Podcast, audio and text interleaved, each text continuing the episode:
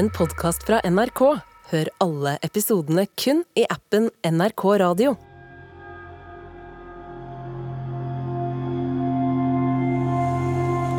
Så det er ufo du har sett? Ja, det er det, ja.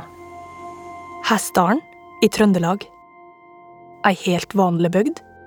Fram til noen begynner å se merkelig lys der. Jeg tror nok det at det er ifra en annen planet. Og kanskje de er kommet mye, mye lenger enn oss. Flere i bygda tror at de har fått besøk fra verdensrommet. Så blir hessdalingene latterliggjort over hele landet. Så det bidro jo til at folk ikke ville snakke, tror jeg. Det her er mysteriet om lysa i Hessdalen. Den første delen av to. Jeg heter Kristi Hol. Reporter er Ellen Flå.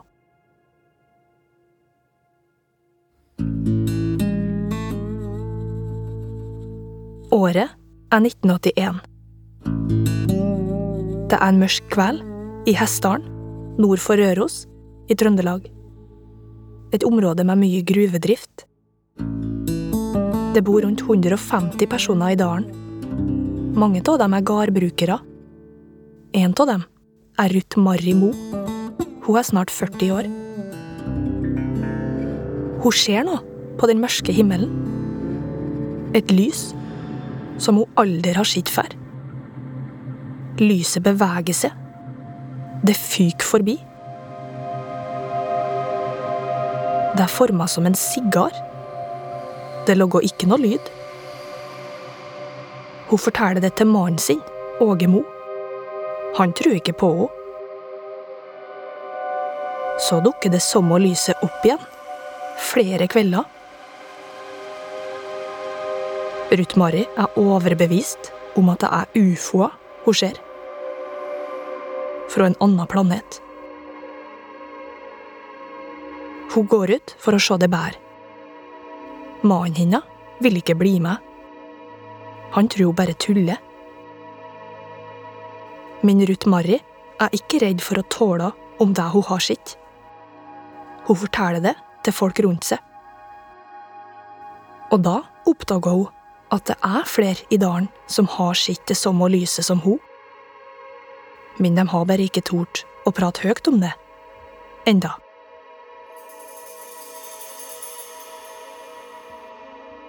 Etter ei stund får Ruth Mari overbevist mannen sin, Åge, om at det virkelig er noe ute der, på himmelen. Ja, vi har sett mye ufoer, ja, det er sikkert. Til både neten og om kveldene. Her blir de intervjua av en lokal journalist. Og sømgang kommer de og går fort. Sømgang går de saktere. Og så kan de komme og stoppe helt opp, og så ber de i vei igjen. Er det til faste tider? Ja, sømgang så virker det som at det er til faste tider òg, men så vet du, om forandrer nå tida litt grann etter òg, da. Kan du si noe om eh, størrelsen? Nei, det er ikke nede, det er det, da. Så det er vanskelig liksom å gi noe sikkert mål på noe størrelse på det, ja. Opptaket er gjort i 1982 av journalisten Nils Kåre Nesvold. Året etter Ruth Marry ser lyset på himmelen for første gang. Hun og mannen Åge er to av få som taler høyt om fenomenet. Ja, mm, vi var tre personer som dro ut i fjellet her. For det første så trodde jeg ikke noe på det til å begynne med.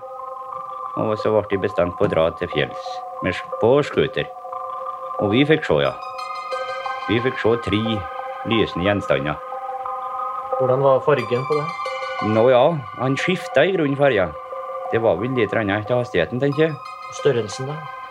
Ja, jeg, så godt å si, men jeg tipper ifra en eh, åtte meter bredt, kanskje sju-åtte meter bredt, og en 12-13 meter langt. De blir tåla om rundt om i bygda. Min Ruth Mari og Åge, de står på sitt. Hva tror du det her er for noe? Nei, det er noe vanskelig å si det, men det er noe nede på kanskje at jeg tror at det er fra noen annen planet, ja. Og kanskje de er kommet mye, mye lenger enn oss. Kanskje flere hundre år ligger de før oss. Så det er din teori? Det er min teori, ja. Og den kommer ikke ifra at før de har bevi- bevist noe annet. Så skjer det ei endring i dalen. Flere og flere ser lysfenomenet med egne øyne. Nå begynner folk å tro på Ruth Marry og Åge Mo. Ryktet sprer seg fra Hessdalen og utover kommunegrensa. Folk i Hessdalen samler seg på Utsiktsplassen i kveld som hver kveld. Klokka er vel sju. De neste to timene er den beste tida. Jeg kommer, jeg kommer på at det var mye folk som eh, ja, nærmest folkevandra til Hessdalen. Reporter Ellen møter Nils Kåre Nesvold. På starten av 80-tallet er han nyutdanna journalist. I dag er han redaktør i lokalavisa Fjelljom. Hva kommer du i hodet fra den tida? Eh, Jeg var jo oppå der eh, i januar 1982. Det var veldig mye biler. Det var fullt av biler. Jeg har aldri sett så mange biler i Hessdalen før. Og det var masse folk. Det var ganske kaldt på fjellet.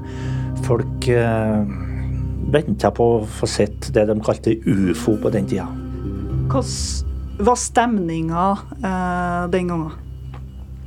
Det var veldig spent eh, stemning. Eh, Folk eh, snakka lågt og skulle ikke forstyrre hverandre. og Alle sto og speida mot himmelen. Noen hadde med et kamera, noen hadde med kikkert og venta på at det skulle komme et lys da, som de aldri har sett før. Nå må dere begynne å fotografere nå, karer. Der borti! En vet alder når lyset dukker opp. En sen kveld kjører journalisten bil fra Åren til Røros. Jeg kjører i min gamle Ford Cortina 66-modell eh, over Ruggerdalen. Og da fikk jeg plutselig øye på noe som, eh, noe som lyste opp på himmelen. Ja, jeg så det ganske godt. Det virka som det lyste opp eh, ned på åssida. Og da var jeg for meg sjøl i bilen, så tenkte jeg at nå må jeg få flere som kunne se det her. Så skjønte jeg meg å kjøre tilbake til en kamerat som bodde i nærheten. Og fikk med meg han, og vi så eh, gjenstanden bevege seg sakte mot åskammen. Og begge to, så vi var Det var vel en oval gjenstand, vil jeg si, eller et ovalt lys. Eh, og vi kjørte Skulle prøve å komme tettere innpå, da. Kjørte vi vel en kvarters tid sørover. Og så plutselig forsvant det på himmelen. Husker du hva du følte eller tenkte da du så det her? Nei, Det var jo det er litt spenning i kroppen. Jeg syns det var litt eh, skummelt til å begynne med når jeg var for meg sjøl i bilen. Hva er det som møter meg nå framover? Jeg må være ærlig og si det. Men når jeg fikk med meg en kamerat, så var vi i hvert fall to om det, så vi skulle hamle opp med eh, gjenstanden der. Jeg, jeg syns det var unaturlig, og jeg, jeg har ikke noen forklaring den dag i dag. Hver helg fylles dalen opp med folk som vil se fenomenet. Den unge journalisten Nils Kåre intervjuer Ruth Marri om det. Ja, nå er det mange hestehalinger som har sett ufoen, ja. Og det er ikke bare hestehalinger. det er ålbygger, rørosinger, osloensere, trondhjemmere. Så det har vært grundig til folkevandring her for å se den ufoen. Så folk reiser langt for å få oppleve det her. Ja, det gjør de, ja. Nå sist helg så var det folk fra Sverige. De hadde kjørt 85 mil en vei. Så sier hun at det virker som at antallet besøkende påvirker lyset. Det er så merkelig. Om kveldene vi står og ser på i der, blir det mye billys og folk. Da ser det ut som at de holder seg litt mer unna. Men er det rolig og ikke noe lys det, da kommer de ned her. Så jeg er sikker mest på at det må være levende vesen om bord på det. Hessdalen har gått fra å være en liten avsides plass som få visste at fantes, til å bli ufo-bygda som hele landet tåler om. Dette bildet er utgangspunktet for ufo-jakta vår i Hessdalen. Disse besynderlige fenomenene som uh, inntraff oppe i Hessdalen nord for Røros, har for lengst kommet på verdenskartet som ufo-bygd. Det lysfenomenet som skal ha landa, kom innover dalsida, stoppa opp, snudde i lufta, skifta retning, sto stille. Media elsker å tåle om den lille dalen nord for Røros, som tror at de har fått besøk fra en annen planet. De skriver om flygende tallerkener, marsboere.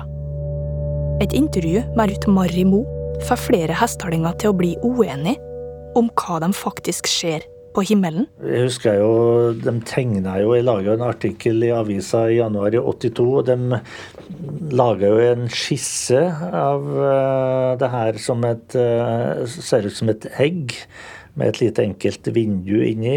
Og da mente de jo at her satt det folk og så ned på folk i Hessdalen, og her var det noen fra fremmede planeter. Det er klart, eh, en del reagerte nok på det. Det ble jo litt latterliggjort, da, både lokalt og ellers. Og så har vi jo i små lokalsamfunn det berømte bygdedyret. Men hessdalingene står rakrygga i det, enn så lenge. En av dem som får med seg disse sakene, er Erling Strand. En nyutdanna sivilingeniør i 20-åra. Han drar dit for å se fenomenet. Jeg var nysgjerrig, da. Jeg, eh, hva kunne dette være for noe? Senere skal han få en vektig rolle i Hessdalen. Men den helga her er han der bare på guttetur. Det ble min første tur, da. Jeg husker det så godt ennå. Det var jeg og noen kamerater som fant ut at uh, vi skulle ta en tur opp for å se om vi også kunne se det. De kjører fra Oslo til Hessdalen på en fredag. Jeg hadde vel egentlig ikke så store tro på at jeg ville få oppleve det sjøl liksom første helga. Så fordeler de seg på flere forskjellige fjelltopper. Det er helt mørkt. Og eh, plutselig så så vi noe. Det virka ikke så langt unna. Det var ikke langt ute i himmelrommet. Du så liksom fjellet i bakgrunnen og så videre. Og, så, og, eh, og det som overraska meg, at det var så sterkt. Lysstyrken var så sterk. Hele dalen blir lyst opp. Så forsvinner lyset bak en fjelltopp. Erling og kameraten står bare og måper. Og så kommer det opp igjen. Og så sto det stille noen minutter og beveget seg litt og stoppa opp. Eh, og noen ganger så virker det som at det kom en lysstråle ut ifra dette lyset også. Hvilken farge er det på lyset?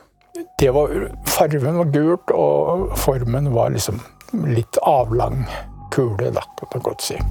Og nå hadde jeg kamera med. Jeg har jo kamera med meg, men det, det, det, tankene var ikke der. Så eh, dessverre fikk ikke jeg får ikke tatt noe bilde. Lyset viser seg i rundt en time. Og så er det borte igjen. På søndagen kjører de hjem igjen.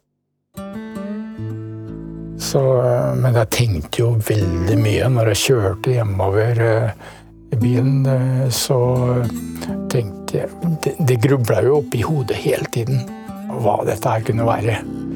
Og hva skulle vi gjøre videre, liksom. Han klarer ikke å legge fra seg det som skjedde. Jeg var liksom oppslukt av hele inntrykket. Det gjorde et ganske sterkt inntrykk på meg å se dette her. Og jeg håper jeg måtte liksom fordøye det etter hvert, og tenkte liksom Hva var dette her for noe, liksom? Og da fikk jeg se to lys som kom. Jeg tror jeg skal kalle det en sånn sigarforma. To lys som følges åt langs fjellsida. For det er tre lys i trekant med spissen ned. Men samtidig så ser det ut som det er en brennende ildkule. Lysa folk observerer, ser veldig forskjellig ut. Og det viser seg at de har blitt sett lenge før Ruth, Mari og Åge begynte å tåle om det i 1982. Kanskje dobbelt så stort som månen. Det var omtrent som et spøkelsesfly som kom. Farva som i regnbue, men det fløt liksom sammen. Det var ingen skarpe kontraster mellom farvene. Eh, Størrelse som en stor bil. I form som en pistolkule. Det gikk ganske fort, og plutselig så var det borte. Fram til nå har mange hestehalinger stilt villig opp for media og fortalt om sine observasjoner. Til tross for at de føler seg litt feil framstilt noen gang. Men så kommer leserinnlegget som virkelig blir spikeren i kista. I Arbeiderbladet i 1983. Det som nå heter Dagsavisen. Journalisten Nils Kåre Nesvold kommer i hodet godt. Der står det om hestehalinger og hallusinasjoner. Innlegget begynner med at folk på bortgjemte plasser er mer overtruisk enn folk som bor i mer sentrale deler av landet. Han skriver videre at uh, muligheten for at slike gudsforlatte områder som Hessdalen og kringliggende områder gjennom århundrer har foregått en innavl blant beboere. Og det kan kanskje gi svar på mysteriet.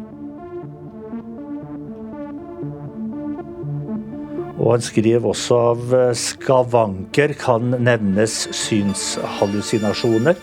Derfor må konklusjonen bli at pga. innavl lider innbyggerne i nevnte område av synshallusinasjoner. Og denne påstanden vil bli stående til det motsatte er bevist. Det har aldri blitt tatt inn i en avis i dag, men det gjorde man altså for 40 år siden. Det her ble jo veldig sterk kost for de som bodde og bor i Hessdalen. Nei, de uh, følte seg utenkt. Det ble jo flere avisskriverier uh, om det her. Og etter hvert så ble det litt vanskeligere. Folk hadde ikke lyst til å stille opp og fortelle om det de hadde sett. Av leserbrevet slutter mange å lette seg intervju om det de har sett. Jeg tror at folk da trekte seg litt tilbake og syntes det var vanskelig å snakke med i hvert fall journalister som de ikke kjente fra riksmedia. Noen aviser skriver at hestehælingene drikker for mye hjemmebrent, eller at de kan ha sett toglys fra Rørosbanen, fly, satellitter eller lommelykter. Er alt er jo mysterium inntil man finner ut av det. Erling Strand har ikke glemt det han så oppi dalen for et par år siden. Eh, jeg jobba som forsker den gangen i, i Oslo, og mine forskerkolleger de sa jo det at uh, dette må du ikke involvere deg i, dette må du ikke begynne å forske på, liksom.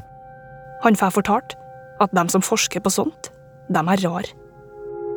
Uh, det trigga jo meg litt ekstra, fordi at når du får høre noe slikt nå av det som du hadde sett, og du, og du visste at det, at det, virkelig eksisterte der og da. Og jeg fikk liksom inntrykk etter hvert også at det var egentlig ganske få personer som har gjort noe forsøk på å finne ut av dette her. Og det var noe av drivkraften til at jeg må finne ut mer omkring hva dette her er. Erling Strand har bestemt seg. Han skal finne ut hva lysfenomenet er for noe. Når ingen gjør noen ting, så kanskje vi skal gjøre noe isteden. Altså, da kan jo vi prøve. Han og flere interesserte drar opp til Hessdalen og holder et folkemøte i Samfunnshuset. Det liksom syda at ja, endelig. Det liksom lå liksom i lufta i lokalet der slik. Man følte liksom den derre at, vi, at vi var velkomne. Der forteller han hva de vil gjøre.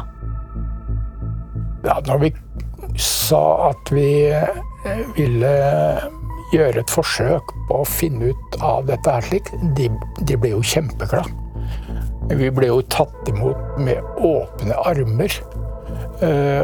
At de fikk jo inntrykk at nå endelig var det noen som tok de seriøst og ville gjøre et seriøst forsøk på å finne ut mer omkring dette her slik. Han går mot alle advarslene han har fått fra forskermiljøet i Oslo, og setter opp en enkel forskningsstasjon i Hessdalen. Pengene har han i stor grad skrapa sammen sjøl. Målstasjonen var inni en campingvogn som en av innbyggerne der hadde lånt oss. Han tar seg fri fra jobben en periode. De setter opp instrumenter som kan måle aktivitet på himmelen. Blant annet en gammel båtradar. Og de gir utslag med en gang. Og den første observasjonen den kom ganske raskt. Jeg tror det var meste vi har registrert, var vel 20 observasjoner som var registrert på én uke. Det var det meste. Hessdalingene er kjempegira. Endelig er det noen med akademisk bakgrunn som tar dem på alvor. Så vi så uh, dette lysfenomenet på radaren og kunne følge det og kunne da finne ut hastigheter og alt mulig. Og jeg husker at den største hastigheten vi målte, det var faktisk 30 000 km i timen. Uh, det, det er fort, altså. Men så oppdaga de noe rart, som ikke gir helt mening. Det var jo at vi også kunne se noe på radaren uten at vi så noe lysfenomen. Fordi uh, hver gang vi så noe på radaren, så skrek jo ut de som sto ute med klar med kameraer osv. Nå ser vi et lys i den, den retningen. Ser dere noe? Og de, de, noen ganger så så de ingenting. Det var liksom ingen, absolutt ingenting som kunne ses med øya. Men vi kunne følge det med på radarskjermen. Og det var spennende. I løpet av fire uker ser de lysfenomenet 50 ganger.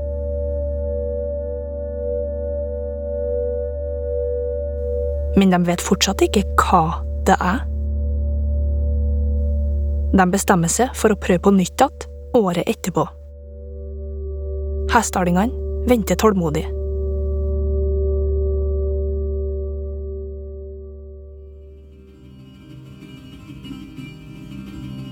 På vinteren i 1985 drar Erling Strand og flere frivillige opp igjen. Forventningene er høye. Men det er noe som er annerledes den gangen her.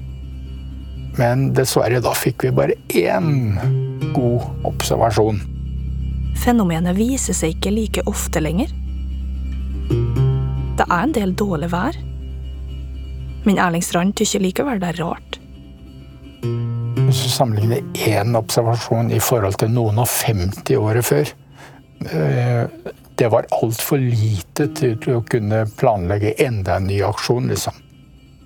Og det er ingen som tåler noe om observasjonene sine lenger.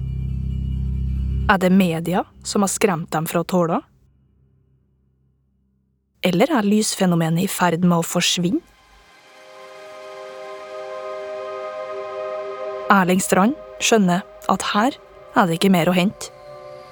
Så vi, vi avslutta Vi hadde to feltaksjoner da, den gangen. 84 og 85.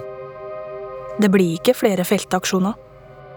Lysfenomenet forblir et mysterium. Det går flere år uten at han hører noe mer. Så liksom, vi hadde nesten mistanke om at nå har det gitt seg der oppe. Helt. I 1993 blir han invitert opp til dalen for å holde foredrag om de to feltaksjonene de gjorde på 80-tallet. Nja, så kom jeg dit opp, da. Skulle holde foredraget, og gjorde det også. Og fortalte om alt den interessen som jeg hadde merket blant utenlandske forskere spesielt. Og liksom nesten sa jeg at det var synd å ha gitt seg, liksom. Men, men sånn, sånn ble det. Men så, etter han er ferdig med foredraget, kommer et par opp til han. Og sa det at ja, det foregår fortsatt, sa de. Det, det har ikke gitt seg helt. Å, se. Jeg har ikke, har ikke hørt noe om det. Ikke noe i aviser eller ikke, ikke noe som sier at det fortsatt foregår. Nei, det er ikke Vi, vi sier ikke sånt noe lenger, skjønner du. Vi ble så latterliggjort de første gangene, så jeg har ikke ønske om å fortelle noe mer om sånt nå. Så det viser seg at lysfenomenet har fortsatt som før. Det har ikke forsvunnet. Folk har bare holdt kjeft om det. Og da tenkte jeg at jaha, kanskje vi skal sette i gang prosjektet på nytt igjen.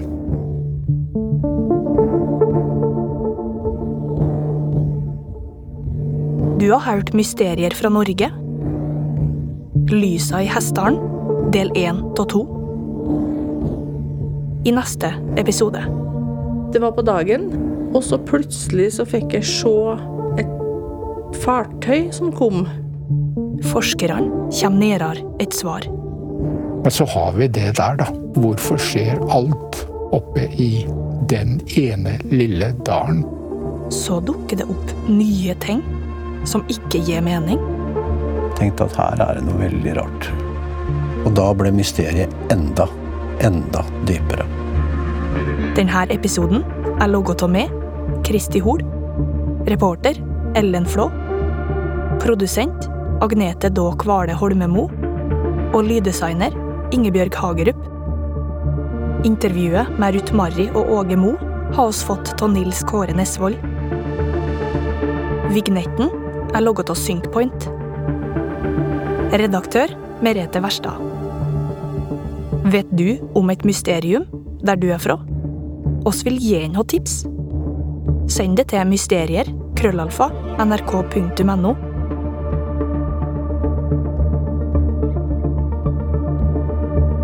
Du har hørt en podkast fra NRK. Hør alle episodene kun i appen NRK Radio. 80-tallet fikk barnløse kvinner sæd fra ukjente menn som skulle være spesielt intelligente. Og alt skulle holdes hemmelig. De skulle ikke ha kjennetegn, helst ikke rødt hår. Nå har barna begynt å finne hverandre. Og så får jeg melding på Facebook. Hei, dette her er kanskje et sjokk. Du lurer sikkert på hvorfor vi deler så mye DNA. Hør sædeksperimentet i appen NRK Radio.